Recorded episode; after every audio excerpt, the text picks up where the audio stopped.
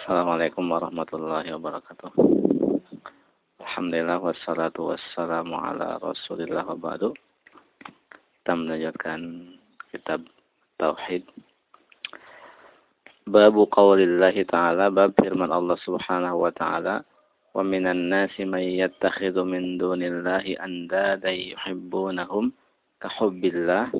Walladzina amanu ashaddu hubban lillah bab firman Allah Subhanahu wa taala dan di antara manusia ada orang yang menjadikan tandingan-tandingan bagi Allah di mana mereka mencintai tandingan-tandingan itu seperti kecintaan kepada Allah.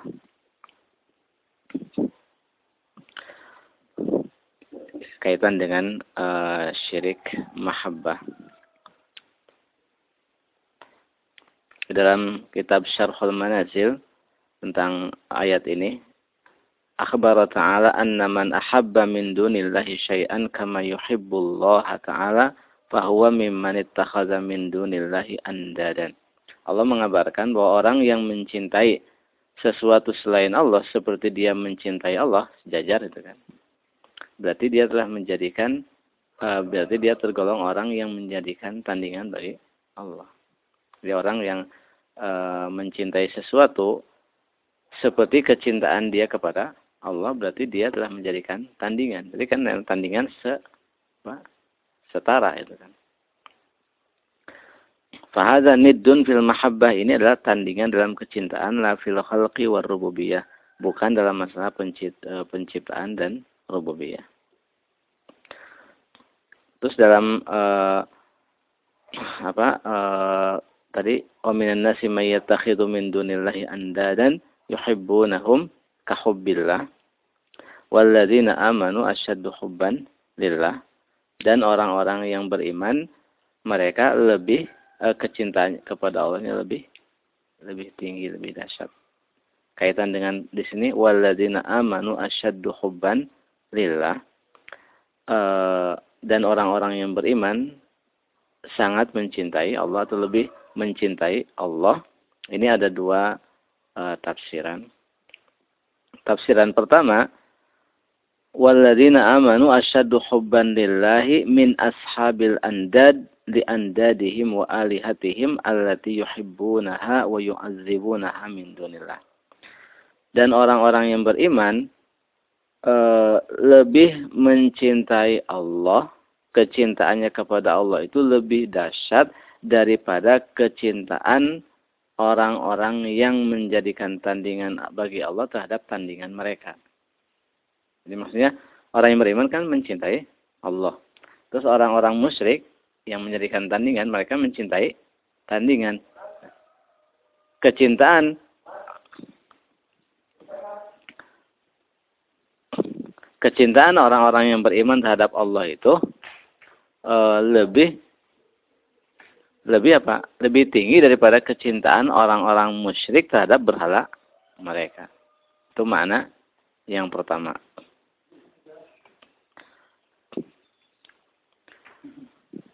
Jadi orang-orang yang musyrik mereka mencintai berhala uh, dan orang-orang yang beriman mencintai Allah. Nah, kadar kecintaan orang-orang yang beriman terhadap Allah itu melebihi kecintaan orang musyrik terhadap berhala mereka. Itu mana yang pertama. Makna kedua, walladzina amanu asyaddu hubban lillahi minal musyrikin bil andadi lillah. Dan orang-orang yang beriman kecintaannya kepada Allah itu lebih tinggi daripada kecintaan orang-orang yang menjadikan tandingan bagi eh, orang-orang uh, yang menjadikan tandingan terhadap Allah.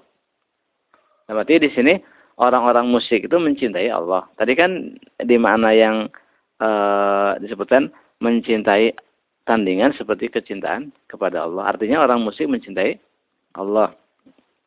Tapi kecintaan orang-orang mukmin terhadap Allah itu melebihi kecintaan orang-orang musyrik terhadap Allah. Dan berarti orang musyrik mencintai Allah, tapi kecintaan orang mukmin terhadap Allah lebih lebih tinggi. Itu mana yang kedua. Berarti kalau yang makna pertama, orang-orang musyrik itu tidak mencintai Allah tapi murni mencintai tandingan berhala itu. Nah, kecintaan orang mukmin terhadap Allah lebih tinggi daripada kecintaan orang musyrik terhadap berhala. Itu mana yang pertama. Uh, mana yang kedua, orang musyrik mencintai Allah.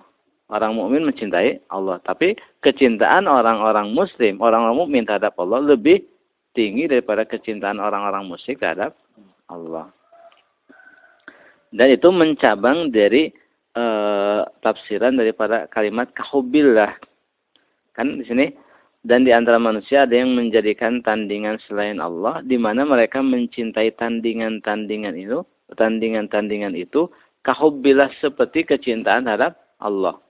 Ini kalimat kecintaan terhadap Allah itu kecintaan siapa?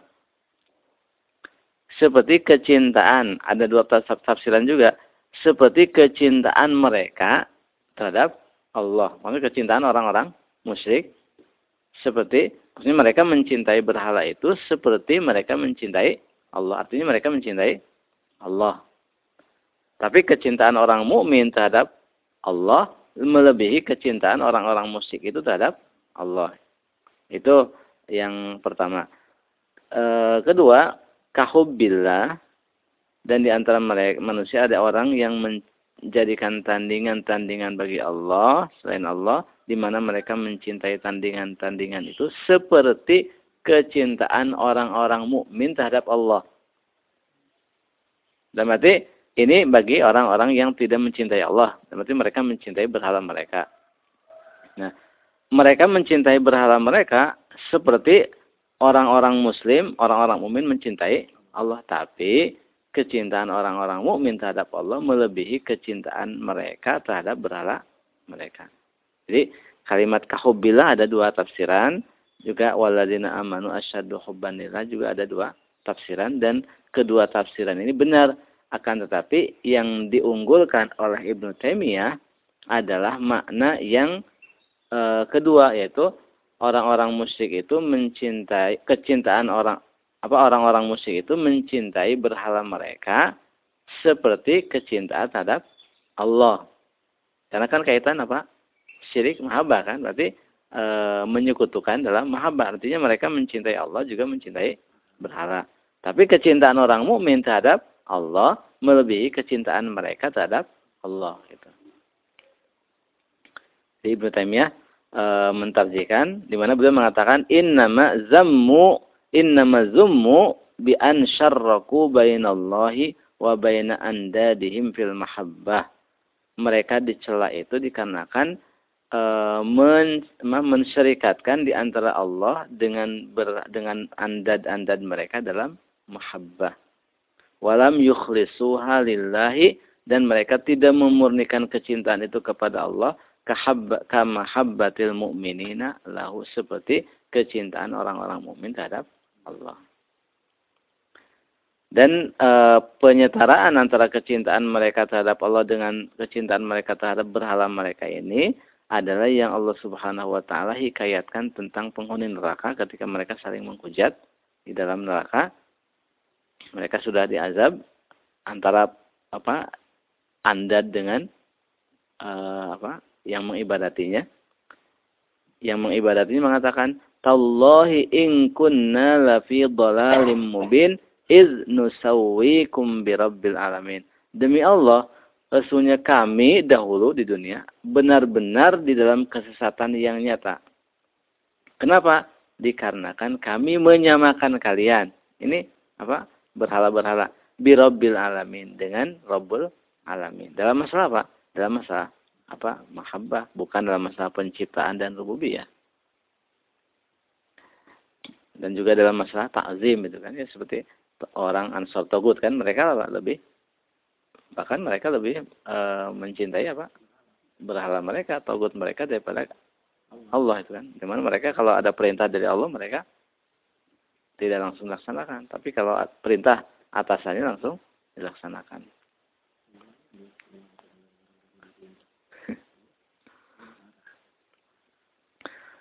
Dan itu juga yang disebutkan kalimat e, al-idlu yang disebutkan dalam surat Al-An'am Allah mengatakan alhamdulillahilladzi khalaqas samawati wal arda wa ja'ala adh-dhulumati wan nur tsumma alladziina kafaru bi rabbihim ya'dilun. Segala puji bagi Allah yang telah menciptakan langit dan bumi dan menjadikan kegelapan-kegelapan dan cahaya. Kemudian orang-orang kafir itu ya, birobbihim ya'dilun menjadikan tandingan bagi Rob mereka. Al-idlu adalah tandingan. Kan al, uh, apa uh, uh, dalam hadis Rasul meng, apa, mengirim Muaz ke Yaman. Fa'amarahum an ya'khudha min kulli halimin dinaran au idlahu ma'afiriyan.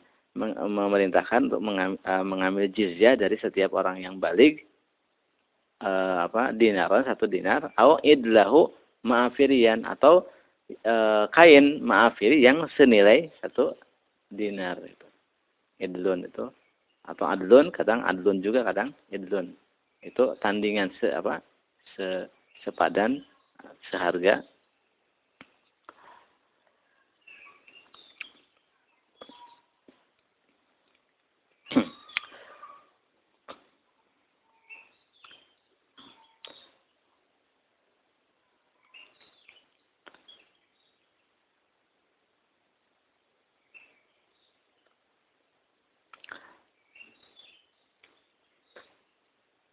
Kemudian di sini eh, Allah eh, Allah Subhanahu wa taala mengatakan qul in kuntum tuhibbunallaha fattabi'uni yuhibbukumullah.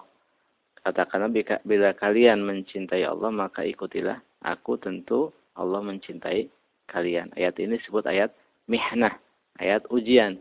Dan berarti untuk menguji klaim kecintaan seorang terhadap Allah itu adalah dengan ittiba. Makanya tidak ada mahabbah tanpa ada ittiba. Orang yang mengklaim mencintai Rasulullah memperingati apa Maulid Nabi. Tapi amalannya tidak ada itiba berarti klaim mahabbahnya bohong. Makanya ayat ini ayat ini apa? Ayat mihnah. Di mana sebagian salaf mengatakan idda'a qaumun mahabbat Allah. E, ada kaum yang mengklaim cinta kepada Allah, fa anzalallahu azza wa jalla ayat al-mihnah, maka Allah menurunkan ayat mihnah itu, qul in kuntum tuhibbunallaha fattabi'uni yuhibbukumullah. Uh, ini isyarat kepada dalil mahabbah itu adalah apa? Itiba. Tanpa ada itiba, maka klaim mahabbah itu bohong.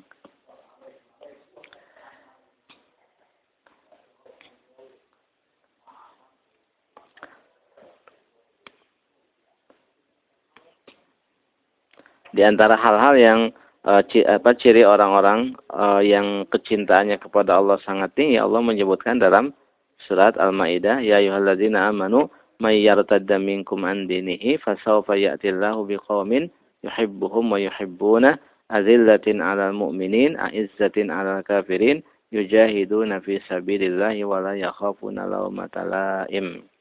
Ada empat tanda. Yang pertama annahum azillah 'alal mu'minin. Mereka lembut ya, santun terhadap orang-orang mukmin. Terus kedua, mereka asyidda alal kafirin, kasar, keras terhadap orang-orang kafir seperti kasarnya singa terhadap apa uh, buruannya. Kemudian al-jihad fisabilillah, jihad di Allah dengan harta, jiwa dan uh, lisan.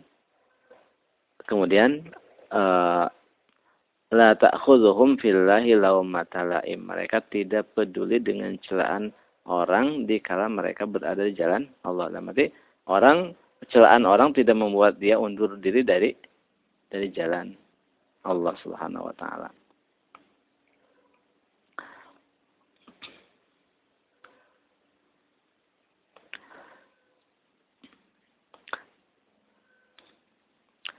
Uh, di sini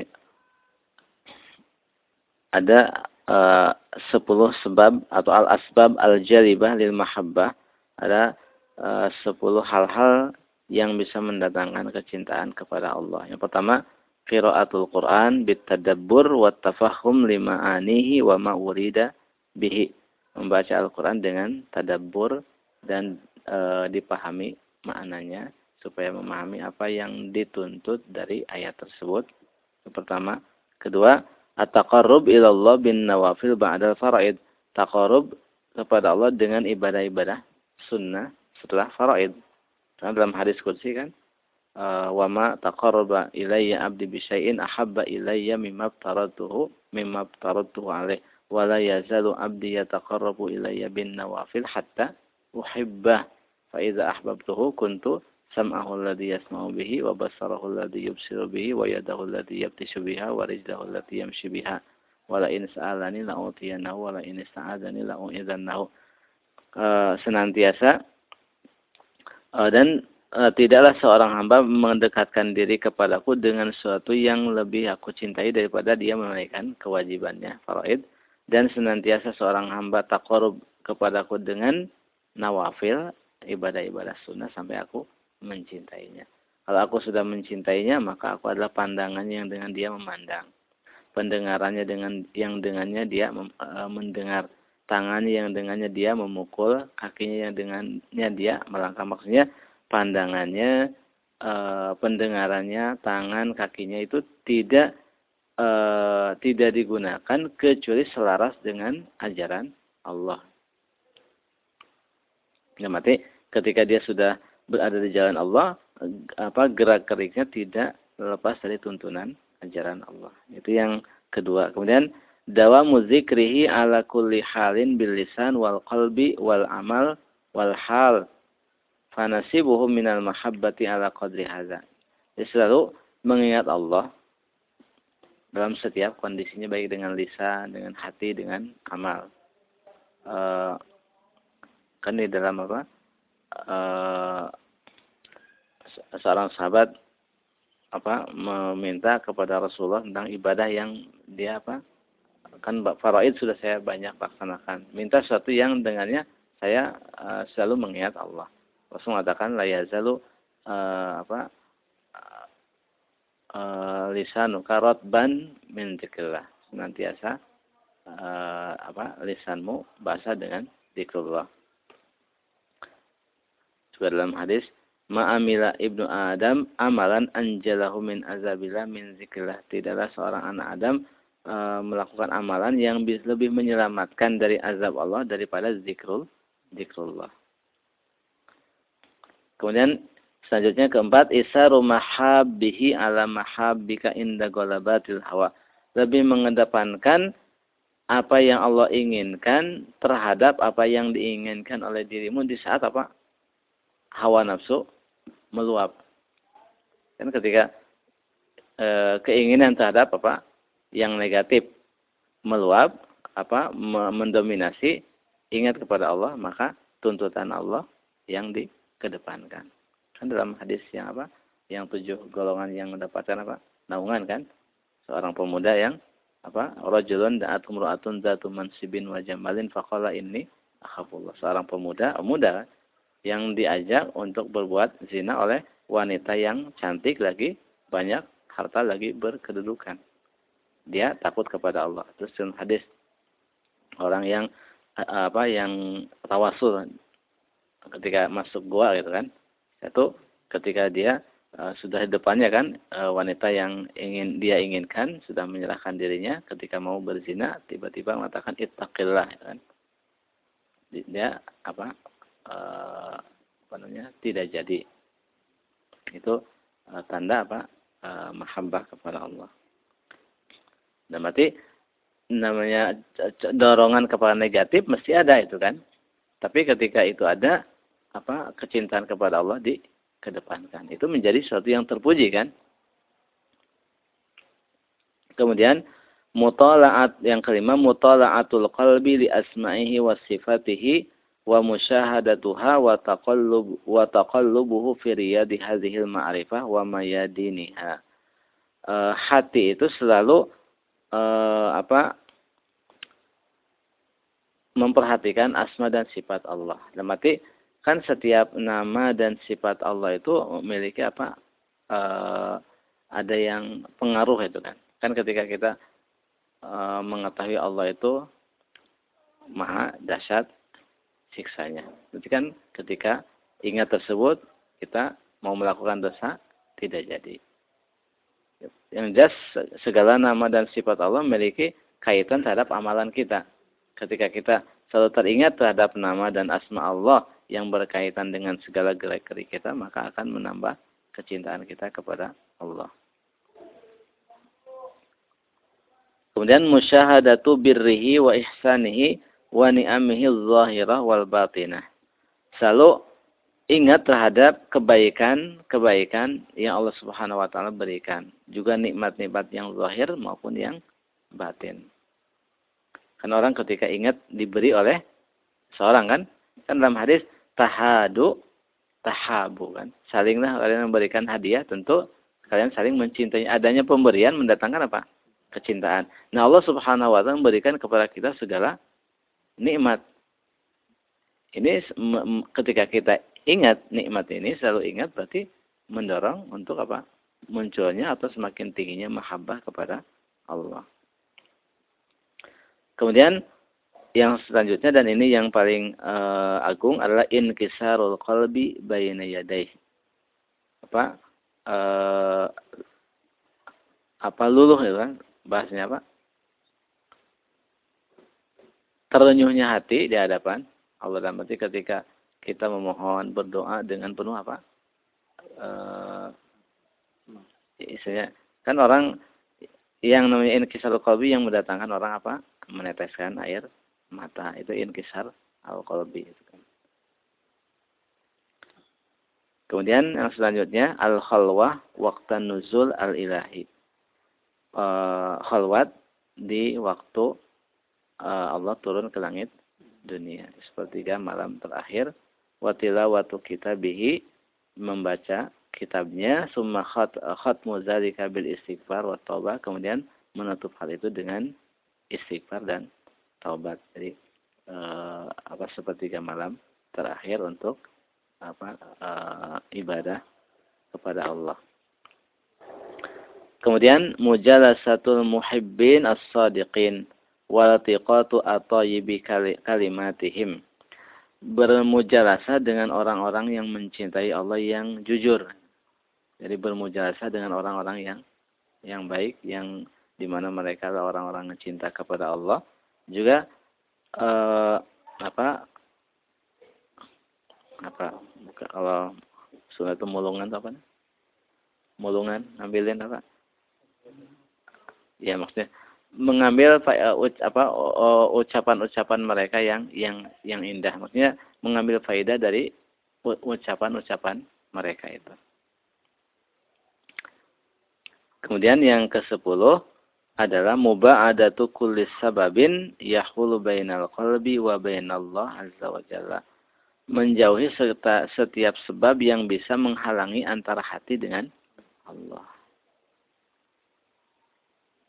Itu sepuluh hal yang e, mendatangkan mahabbah kepada Allah Subhanahu wa taala. Kemudian selanjutnya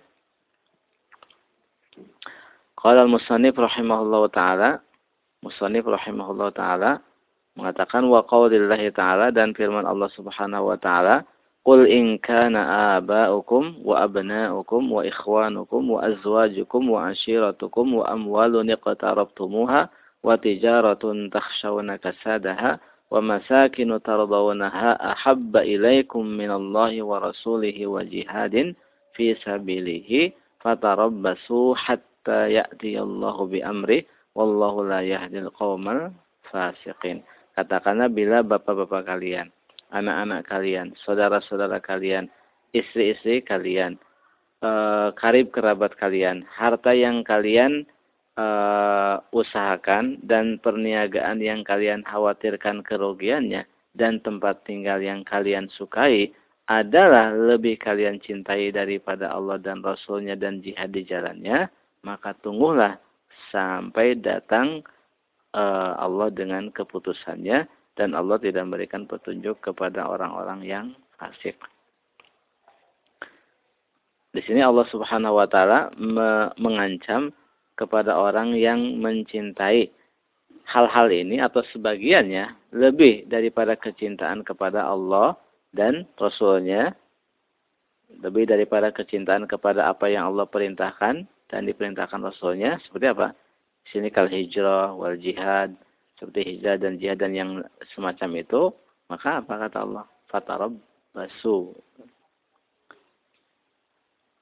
Di sini uh, Ibnu Qasim mengatakan in kanat hadhil asya bila hal-hal ini adalah ahabba ilaikum minallah wa rasuli wa jihadin fi sabilihi fatarabasu ay intaziru madza yahullu bikum min iqabihi. Tunggu apa yang akan menimpa kalian berupa uh, azab dari Allah?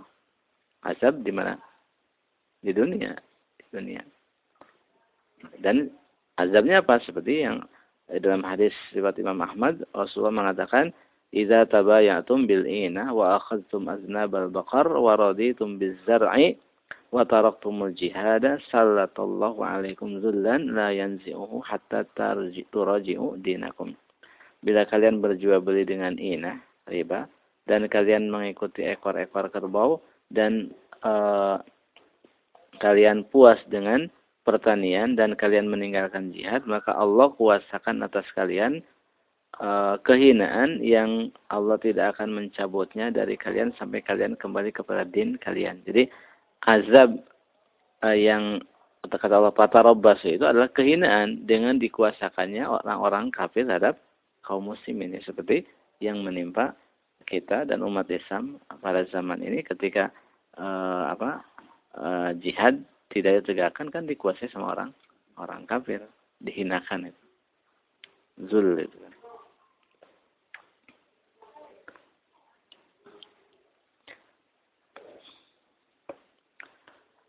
Kemudian uh, Musnad rahimahullah taala mengatakan wa an Anasin anna Rasulullah sallallahu alaihi wasallam qala la yu'minu ahadukum hatta akuna ahabba ilaihi min waladihi wa walidihi wan nasi ajmain akhrajah. Uh, tidak beriman seseorang di antara kalian sampai aku lebih dia cintai daripada anaknya, bapaknya dan manusia seluruhnya. Hadis Bukhari, Muslim. Di sini maksudnya tidak sempurna keimanan seseorang sampai Rasulullah lebih dicintai daripada apa? anaknya, orang tuanya dan e, manusia seluruhnya. Nah, Umar Ibn Khattab karena di sini kan disebutkan anaknya, orang tuanya dan manusia. Tidak disebutkan diri sendiri kan? Ya, Umar bin Khattab mengatakan, La anta ya Rasulullah ahabbu ilayya min kulli syai'in illa nafsi. Sungguh engkau wahai Rasulullah lebih aku cintai dari segala sesuatu kecuali diriku. Karena kan di hadis tadi nggak disebutkan apa? Diri sendiri kan? Fakal maka Rasul mengatakan walladzi nafsi biyadihi hatta akuna ahabba ilaika min nafsika. Demi zat yang jiwaku berada di tangannya, sampai aku lebih kamu cintai dari dirimu sendiri. Maksudnya tidak beriman sampai diriku lebih aku cinta, eh, kamu cintai daripada diri, diri kamu sendiri. Qala lahu Umar, maka Umar mengatakan, fa innakal ana ahabbu ilayya min nafsi. Sesungguhnya engkau sekarang lebih aku cintai daripada diriku. Fakal maka Rasul mengatakan, Al-ana ya Umar. Sekarang, eh Umar. Ya, baru uh, sempurna iman.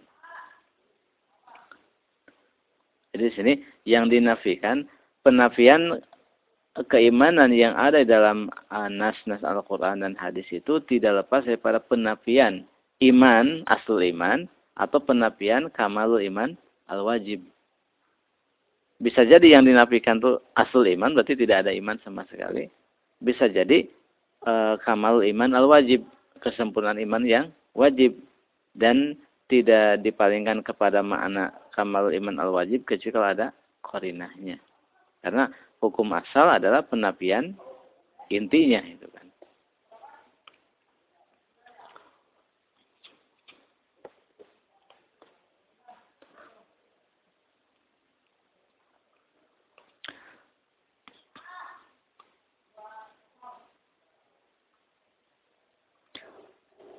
Jadi orang orang Muslim yang memiliki keimanan mesti memiliki apa? Uh, apa? Maksudnya uh, mutlakul iman. Kalau al, uh, al iman al mutlak itu hanya dimiliki oleh orang yang sempurna sempurna imannya. Al iman al mutlak dan orang yang memiliki al iman al mutlak ini yang yang dapat jaminan dalam Al Quran surga itu karena jamin apa janji itu hanya diberikan kepada orang yang sempurna imannya. Orang yang memiliki al-iman al-mutlak. yang Allah janjikan surga dalam Al-Quran dalam hadis itu ada orang yang ini. semua janji yang ada dalam Al-Quran dan hadis bagi orang yang memiliki al-iman al-mutlak. Nah kalau orang yang mutlakul iman seperti kita kan dosa juga kita lakukan. Dalam arti kita memiliki apa? Asul iman. Disebut mutlakul iman. Tapi juga apa ya dosa juga banyak. Nah, yang yang seperti ini antara janji dan ancaman. Antara janji dan ancaman. Ancaman, Anda sebutkan Al-Quran banyak ancaman bagi orang yang meninggalkan kewajiban. Ada janji juga yang, yang seperti ini antara janji dan ancaman. Itu namanya mutlakul iman. Kalau orang yang sama sekali tidak punya iman itu orang kafir. Ibnu Taimiyah mengatakan eh, wa amatun nas idza aslamu ba'da kufrin aw wulidu 'alal islam wa tazamu syara'i'ahu wa kanu min ahli ta'ati lillahi wa rasulihi fahum muslimun wa ma'ahum imanun mujmal. Mayoritas manusia bila mereka masuk Islam setelah kekafiran atau mereka dilahirkan dalam Islam dan mereka komitmen dengan syariat-syariat Islam dan mereka itu termasuk orang yang taat kepada Allah dan Rasulnya maka mereka itu orang-orang Muslim dan mereka itu memiliki iman yang mujmal, iman yang global. Lakin dukhula haqiqatil iman ila qulubihim yahsulu syai'an fa syai'an. Akan tapi masuknya hakikat iman ke dalam hati mereka itu masuknya apa? terjadi sedikit demi sedikit. Kan di dalam apa? Yang orang Arab kan mengatakan amanna kata Allah, "Qul lam tu'minu walakin qulu aslamna walamma yadkhulul imanu fi qulubikum." Katakan kami muslim. Iman belum masuk ke dalam hati kalian. Maksudnya belum artinya akan masuk. Kan belum masih akan kan? Jadi akan masuk tapi sedikit demi sedikit sesuai dengan ilmu kan. In a'tahumullahu zalika. Bila Allah memberikan hal itu kepada mereka. Maksudnya memberikan apa? Tambahan iman dengan tambahan ilmu dan amal. Wa illa fakasiru minan nasi la yasiluna ilal yakin.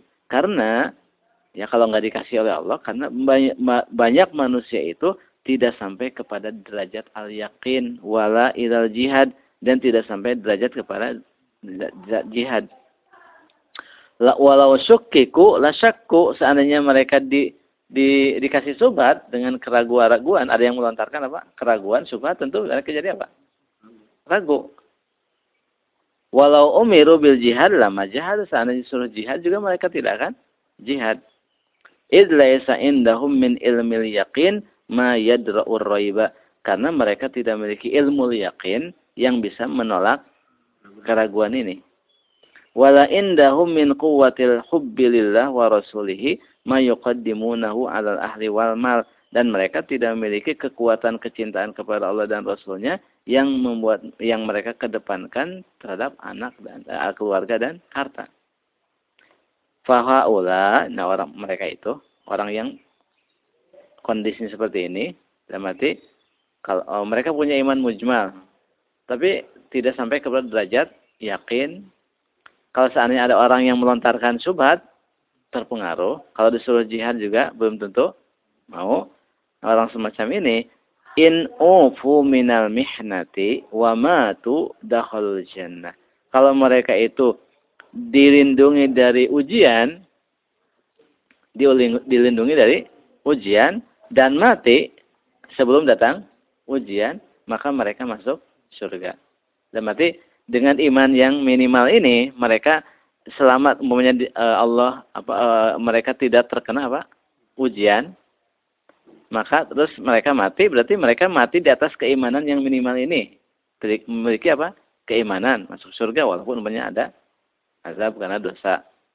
Wa ini betul biman yudkhilu alaihim syubuhatin tujibu raibatahum fa illam imillahu alaihim bima yuzilu raiba wa illa saru murtabina wa antaqalu ila nau'in minan nifaq. Dan kalau mereka itu diuji dapat ujian dengan munculnya orang yang melontarkan sub kepada mereka subhat-subhat yang mendatangkan keraguan bagi mereka. Kalau seandainya Allah tidak memberikan karunia kepada mereka dengan sesuatu yang melenyapkan keraguan tersebut, maka apa? Selamat, gitu kan? Kalau tidak, dalam arti kalau seandainya e, tidak dapat orang yang e, tidak bisa apa, menghadapi subhat ini, maka mereka menjadi orang yang ragu dan akhirnya mereka pindah kepada ke, e, macam kemunafikan. Contohnya itu kan, nggak usah jauh-jauh. E, ada orang dia memiliki apa? E, ya banyak itu kan kasus-kasus atau orang-orang yang sudah meninggal. Mereka dengan pemahaman uh, yang apa yang ya, zaman dulu kan masih belum apa dengan dakwah belum merebak. Dengan pemahamannya dulu tapi mereka di atas jalan itu kan. Mereka mati itu kan. Sebelum munculnya subhat.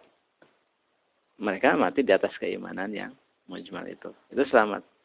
Tapi banyak orang yang semacam mereka semacam mereka dengan keyakinan yang mereka itu datang kepada kondisi zaman sekarang dengan banyak subhat. Ternyata banyak yang apa? Membelot kepada togut kan? Dengan masuk penjara penjara umumnya kan? Ujian kan? Banyak yang membelot? Nah, itu contohnya gitu kan? Kalau seandainya mereka orang yang semacam mereka itu di luar terus Allah uh, tidak berikan kepada mereka ujian terus mereka mati itu bisa ya selamat dengan keimanannya itu tapi orang yang semacam mereka, ya kita lihat sejawatnya itu kan, yang memang sama-sama dengan mereka. Ketika masuk season atau umumnya ada iming-iming apa, eh, iming-iming yang lain, ternyata kita melihat apa? Ada subhat langsung apa? Berubah. Seperti itu maksudnya. Jadi orang itu ada yang eh, memiliki keimanan semacam itu ketika dia selamat dari e, subhat atau dari ujian bisa imannya menyelamatkan dia. Tapi kalau seandainya ada ujian dan ada subhat terus tidak e, bertahan akhirnya bisa lenyap seperti itu.